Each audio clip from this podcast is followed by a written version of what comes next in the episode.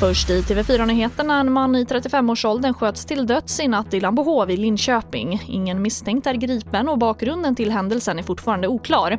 Och det här är fjärde dödsskjutningen i Linköping sedan i maj och polisen tittar på om det kan finnas någon koppling till tidigare dåd. Vi arbetar brett men även smalt. Vi kan inte utesluta vissa saker så här tidigt utan vi vill gärna prata med vittnen som har sett någonting kring den här händelsen eller vet någonting. Och det sa Dennis Johansson Strömberg, presstalesperson vid polisen. Och mer om det här kan du se på tv4.se. Och en explosion inträffade under morgonen i en trädgård till en privatbostad i Mönsterås i Småland. En person i 40-årsåldern har skadats och polisen har kunnat prata med honom.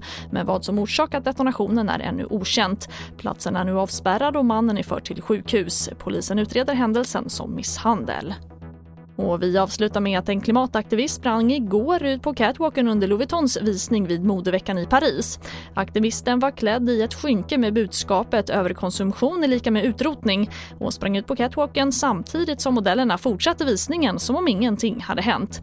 Aktivisten brottades ner av en säkerhetsvakt och togs därifrån. TV4-nyheterna, jag heter Charlotte Hemgren.